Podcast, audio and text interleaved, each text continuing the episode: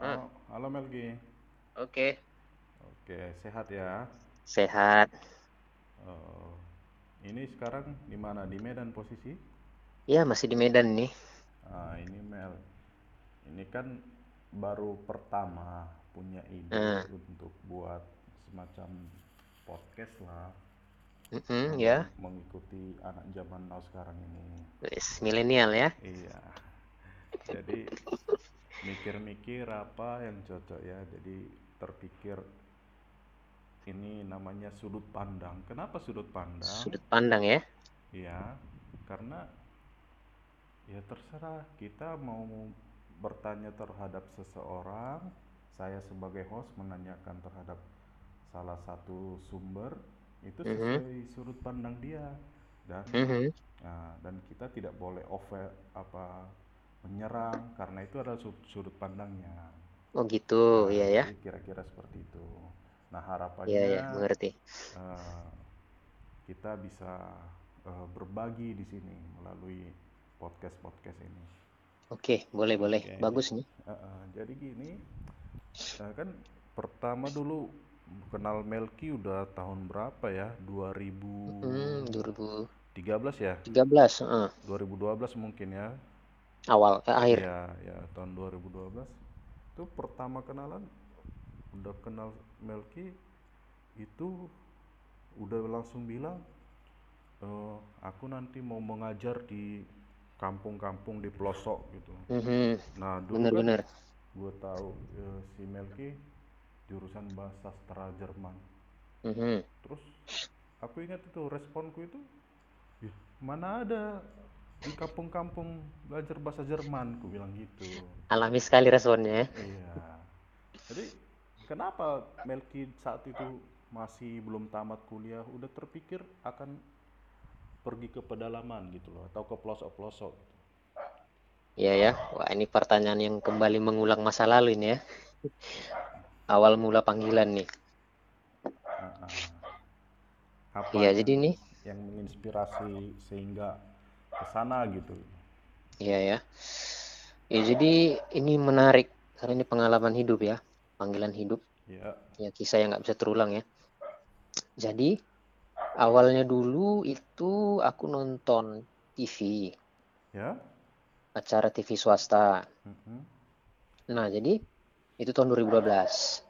Nah, acaranya ini memenangkan penghargaan CNN Award waktu itu. Oh iya. Dan kontennya adalah sebuah film dokumenter sekitar setengah jam tentang suku Talang Mamak di Riau. Suku Talang Mama di Riau ya. Iya, suku Talang Mamak di Riau. Jadi aku lihat kisahnya itu benar-benar waktu itu membuat aku nggak harusnya nih kayak gini nih. Ini salah, ada yang salah dengan ini. Nggak, ini nggak boleh seperti ini. Karena kemarin yang diliput adalah tentang pendidikan di sana. Mhm. Nah, jadi itu sekolahnya di tengah hutan dan gurunya hanya sekali datang itu satu kali satu semester. Wah, Nah, jadi cuma bagi bayangin. rapot aja. Hah? Cuma bagi rapot ya.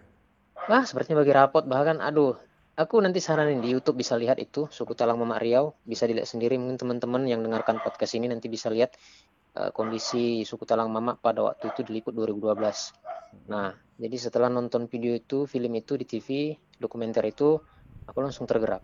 Tuhan ini nggak benar. Harusnya mereka dapatkan pendidikan yang layak. Tapi kenapa mereka mengalami pendidikan yang seperti ini? Gurunya datang satu kali satu semester. Sekolahnya dari kayu, kecil, Mhm. itu kelasnya dibagi dua, nggak pakai sekat. Mhm. Ada yang usianya sudah 17 tahun, tapi kalau nggak salah itu masih SD, kalau nggak salah itu. Nah, itu di tengah hutan sekolahnya. Jadi benar-benar miris. Oh, jadi itu yang membuat keterbebanan ya, melahirkan kepedulian ya. Hmm, betul. Jadi di situlah titik awal, titik pukul vokasinya itu dari situ. Oh, Mulai dari situ akhirnya aku eh, berdoa sama Tuhan, langsung eh, meminta apa namanya, eh, bener nggak Tuhan kira-kira kegelisahanku ini? Siapa tahu nanti kan itu hanya sekedar ya emosi belaka gitu kan. iya betul juga. Akhirnya aku doakan, doakan terus 2000 dari 2012 itu, lalu sampailah akhirnya di tahun 2013 Mhm. itu 2013 akhir aku dapat surat doa itu Hmm? sebenarnya surat doa yang nyasar dari salah satu lembaga misi Mhm. penerimanya nggak di situ lagi tapi tetap dikirim nah Ke? ke se- ke sekretariat. Oh, sekretariat. Iya, Oh. sekretariat. Jadi aku buka, aku baca-baca. Nah, ini Oh, juga pedalaman ternyata. oh dulu udah sering ke sekretariat plan mahasiswa ya? Iya, sering. Karena juga, plan mahasiswa kan dulu dari semester 1 oh udah gabung plan 2007. mahasiswa. ya? Oke, oke. Mm-mm. Mm. Jadi aku buka surat doa itu, aku lihat, wah ini miris juga karena mereka bergerak di pedalaman juga Mm. lembaga misi ini. Nah, setelah aku baca, Nah, aku tergerak, doakan lagi, ya. harusnya surat itu ke salah satu seniormu gitu ya? Iya, Oh, dia oh. penerimanya, tapi dia nggak di situ lagi, Oh, gitu. Oke. gitu. Aku baca, ah, mulai lagi aku tergerak, ini Tuhan ada yang salah juga dengan ini karena di pedalaman juga. Nah, dari situ aku mulai melihat sepertinya Tuhan sedang buka jalan untuk pergumulanku yang 2012. Mm. Lalu aku mulai email eh, staff yang eh, berwenang untuk itu, aku email dia 2013 akhir, kami mulai korespondensi dengan lembaga misi ini, akhirnya 2014 bulan 6 aku berangkat ke Jakarta Oh, oke. untuk Berga, latihan. itu, itu udah bergabung dengan lembaga misi ya? Belum, belum. Istilahnya Oh, ini aku masih ya mendaftar lah gitu. oh, oke ya. Akhirnya aku ke sana untuk ikut training dulu. Uh-uh. Training dulu sekitar tiga bulan. Nah, itulah di Jakarta bulan Juni. Mm-mm. Nah, itu aku wisuda bulan 5 2013. Jadi ada sekitar setahun lah mungkin itu tidak ada apa kerja. Oh. Hmm, kemarin kan ikut kepanitiaan juga selama setahun. Akhirnya itulah kerjaan di Medan selama kurang lebih setahun sejak wisuda. Oh, oke. Mm-mm. Berarti eh, semenjak ikut pelatihan itu, itu membuatmu makin menguatkan harus ke pedalaman gitu ya? Mhm. Oh, Jadi selama di Jakarta 2016 bulan eh 2014 bulan Juni latihan tiga bulan, lalu ada magangnya sebulan. hmm, magangnya di, Magangnya inilah yang dibuat di pedalaman, oh, magangnya di gitu. pedalaman. Jadi waktu itu magangnya di pedalaman Kalimantan Barat, tempat Oh, yang belum pernah aku kunjungi sama sekali. oke. Hmm. Sebulan di sana, penelitian bahasa dan budaya, Ya. lalu setelah itu kembali ke Jakarta buat laporan. Nah, Nah, itulah awalnya aku pertama kali pergi ke pedalaman, jadi 2014. oh, tapi memang dari sebelum pergi ke pedalaman pun sudah bulat tekadnya ya harus ke pedalaman ya. Iya, sudah, karena memang ingin memperbaiki pendidikan di pedalaman, bukan di kota. Oke. Nah, Mm-mm. pernah nggak Melki karena ini kan ke pedalaman kita Mhm. ada banyak dengar banyak NGO-NGO itu yang mengirimkan orang-orang ke pedalaman merintis Mm-mm. gitu ya. Pernah bergabung dengan salah satu NGO kah? Oh, NGO ya. Mm-mm. Eh, 2014 itu yang ke Jakarta itu memang ingin bergabung menjadi staf lapangan lah Mm-mm. untuk lembaga misi ini. Jadi lembaga misi ini bergerak di bidang penerjemahan Alkitab Oh gitu. untuk suku-suku di pedalaman. Jadi membuat Alkitab dalam bahasa suku. Oh oke. Gitu seperti yang kayak dibuat Mensen gitulah kan. Supaya lebih gampang dipahami ya. Iya, karena mereka lebih mengerti dalam bahasa ibu mereka kan. Mm-mm. Nah, aku bergabung untuk training, bukan bergabung. Training dulu dengan mereka. Itu yang tiga bulan di Jakarta, baru pelatih eh, magangnya sebulan di pedalaman, baru balik lagi ke Jakarta buat laporan. Nah, jadi sebenarnya eh, aku tidak sempat bergabung dengan Oh mereka, oke. tidak sempat jadi staf lapangan mereka, Oh gitu. Aku aku mengundur, mengundurkan diri juga dibilang nggak pas karena belum jadi anggota kan. Tapi aku Mm. pakailah kata mengundurkan diri. Aku akhirnya eh, tidak jadi bergabung dengan lembaga ini. Tapi sempat dilatih full sama mereka untuk Mhm. mengerti bagaimana pelayanan penerjemahan Alkitab di pedalaman, Hmm. gitu. Nah, eh, ini nih, kenapa tidak bergabung dengan lembaga gitu? Karena mungkin kan bergabung dengan Hmm. lembaga kan bisa ini ya, bisa lebih tersupport ya. Iya, betul. Eh, alasannya kenapa memilih Iya, jalan sendiri gitu ya, jalan sendiri, jalan sendiri ya. sendiri. Nah, Iya, eh khusus untuk kasus yang ini, ini kan pertama kali juga aku istilahnya mau bergabung dengan lembaga kan. Ya. Nah, istilahnya sekali mau ke pedalaman, nggak nggak mandiri, nggak independen, tapi diizinkan Tuhan dulu untuk melihat gimana sih dunia pelayanan dengan lembaga, Mm-mm. gitu kan? Mm-mm. Akhirnya itulah ikut pelatihan, tapi tidak jadi bergabung karena eh, ini kasus khusus karena memang sistemnya pada waktu itu tidak membuat aku bertumbuh, tidak nyaman, aku tidak bisa apa ya flow mengalir dengan sistemnya mereka.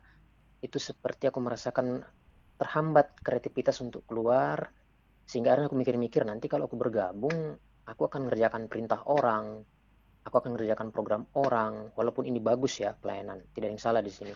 Tapi ketika dihubungkan dengan diriku, kayaknya itu aku bakalan terkekang nanti kalau bergabung dengan pelayanan uh, dalam sebuah lembaga atau yayasan atau komunitas seperti itu. Jadi Hmm. akhirnya aku memutuskan untuk keluar, mengundurkan diri, tidak jadi bergabung Nah, gitu karena sistem. Ya aku sendiri pribadi tidak terlalu suka dan susah untuk bekerja di dalam sebuah sistem yang sistemnya itu dari orang lain.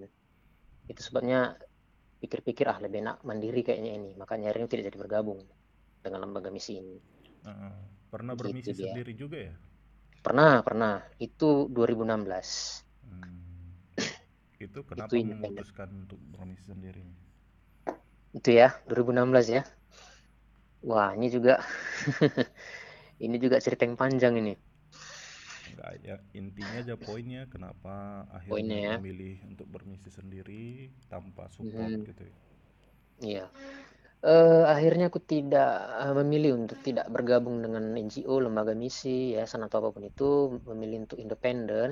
Itu tadi yang pertama karena memang aku kurang bisa atmosfer yang apa namanya, yang mengerjakan pekerjaan orang lain dan di, diperintah oleh atasan gitu itu kurang bisa, kurang mampu karena kreativitasku sepertinya tidak berkembang.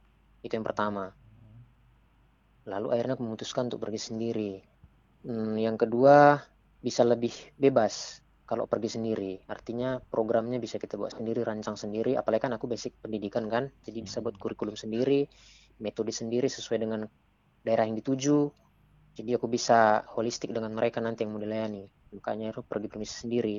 Nah, pada waktu itu memang tidak ada support yang tetap. Artinya hanya untuk berangkat dari Medan ke sana saja ke Kalimantan itu Mhm. dibantu sama alumni, tapi hanya untuk berangkat. Jadi selama di sana di, di Pontianak lalu pergi ke pedalaman itu eh, mengandalkan dari itu tadi eh, orang-orang kampung dananya. Oh, Iya. Kami buka les di sana kemarin. Nah, sekarang apa yang dikerjakan? Sekarang, nah kalau sekarang ya, ini aku lagi coba untuk melihat peluang di kopi. Kopi. Mm-mm. Usaha kopi, tapi bukan warung kopi. Istilahnya seperti ya dari ini menghasilkan kopi dari biji sampai akhirnya jadi bubuk lalu dijual gitu. Ya, aku lebih ingin fokus sekarang untuk entrepreneur, Oh, jadi entrepreneur. Gak, gak ke pedalaman lagi nih ceritanya. Sejauh ini eh, ada beberapa pedalaman, tapi memang nggak pedalaman kali sih. Tapi memang ya perlu tetap dijangkau. Itu Tanah Karo, yang dua Hmm. jam dari Medan. Nah, kopi yang mau dikembangkan juga ini dari Karo juga, Oh, gitu. Jadi oke. sekarang aku lebih ke entrepreneur dan menjangkau Tanah Karo, Hmm. desa-desa di yang masih tertinggal. Ada memang ternyata Tantangannya apa sih? Ya. Tantangannya. Mm-mm. Tantangan tuh apa ini sekarang nih? Maksudnya tantangan ketika kita mem- sudah memilih untuk kayak tadi ke pedalaman. Mhm. Tantangannya paling berat sebenarnya apa? Kalau sejauh ini ya, karena memang mau entrepreneur itu dana. Hmm. dan untuk pergi ke sana kan butuh biaya kan ke sana juga untuk penyediaan ya mungkin seperti buku untuk anak di sana itu sejauh ini sih dana yang diperlukan. Oh, makanya aku mau entrepreneur supaya bisa mandiri dalam pelayanan gitu. Jadi tidak perlu support dari ya mungkin kayak Paulus lah tent maker ya kan membuat tenda dia mengusahakan biaya hidupnya sendiri dengan membuat tenda perjalanan juga dibiayai sendiri kira-kira seperti itulah. Oh, jadi sekarang Melki berusaha kopi sekaligus eh, berusaha untuk eh, mendidik anak-anak di daerah Tanah Karo ya. Mm-mm, jadi ya mandiri dalam pelayanan mungkin ya kayak Armen tau lah bi- business as mission gitulah. Oke. Hmm, Ada nggak tantangan dari orang tua untuk ini? ya pasti ada. Artinya kan ya kalau dilihat dari ukuran umum kan ya masa sih seorang tamatan sarjana kerjanya kayak gitu. Hmm. Pasti ada itu kan prestige. Oh. Ya tapi ya itu harus di inilah. Ya kalau mau menuruti terus dalam artian bukan memberontak ya. Tapi kan kita sudah tahu panggilan Allah di mana gitu kan. Mm-mm. ya itu harus dikerjakan walaupun tantangannya ada pasti ada apalagi dari orang tua dari temen mungkin ya tapi ya kalau sudah tahu panggilan kan pasti harus dijalani gitu Dan dan tantangannya itu asik hmm? sekarang orang tua sudah bisa terima ya? Hmm, kalau itu sih aku belum apa ya belum belum bisa pastikan 100% apakah terima atau enggak tetapi pelan-pelan aku mau coba yakinkan mereka bahwa ini loh yang Tuhan mau untukku gitu. Karena memang sudah berapa kali ya kopi itu dibawa ke rumah dan orang tua senang dengan itu. Waktu aku nyortir Oh, kopi buat kopi seduh kopi mereka cium aroma kopinya mereka senang. Gitu. Dan aku berharap setuju pada akhirnya. Maksudnya setuju total ya. Oh, jadi, nah sebenarnya dari tadi kan kita Melki udah cerita Mhm, eh, apa eh, kenapa punya men- mendapatkan eh, panggilan seperti itu. Nah, mhm. sampai sekarang dari awal itu sampai dengan sekarang panggilan itu tetap sama atau enggak sih? sama tetap sama Ya, dua dua kata kunci untuk ini ya. pedalaman pendidikan Oh, pedalaman iya pendidikan. iya paling nggak kalau nggak pedalaman desa-desa lah atau dusun-dusun oh, gitu yang mungkin kalau kita masuk ke dalam mungkin dari luar kita melihat itu nggak nggak itu udah mapan gitu. Tapi kalau kita masuk lagi ke dalam lebih dalam lagi survei mereka kekurangan.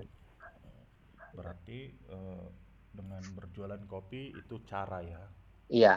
Oh, caraku untuk bisa mandiri pelayanan dan bisa tetap pergi ke kampung-kampung untuk melayani anak-anak di sana. Oke. mungkin orang tuanya juga bisa dijangkau kan. Nah, apa nih pesan untuk eh, adik-adik mungkin yang masih mahasiswa yang ya mungkin setelah tamat nggak tahu nih mau ngapain nih, mau ngapain Mhm. setelah tamat gitu. Nah, ya ya ada pesan nggak kira-kira?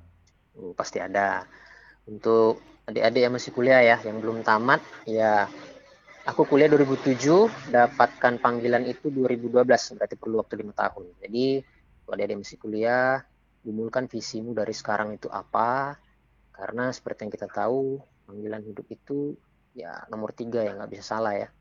Selain yang pertama keselamatan, lalu pasangan hidup. Jadi visi kalau salah, itu bisa bahaya untuk ke depannya. Jadi gumulkan dari sekarang, bagus-bagus, isi hidup adik-adik itu apa, supaya nanti dampaknya setelah adik-adik benar-benar klop, klik dapat kliknya itu benar-benar nanti lihat aja dampaknya sendiri ke orang-orang seperti apa Oh hidup berbagi Oke. ya Terima bagi ilmu kasih untuk Melki untuk berbaginya.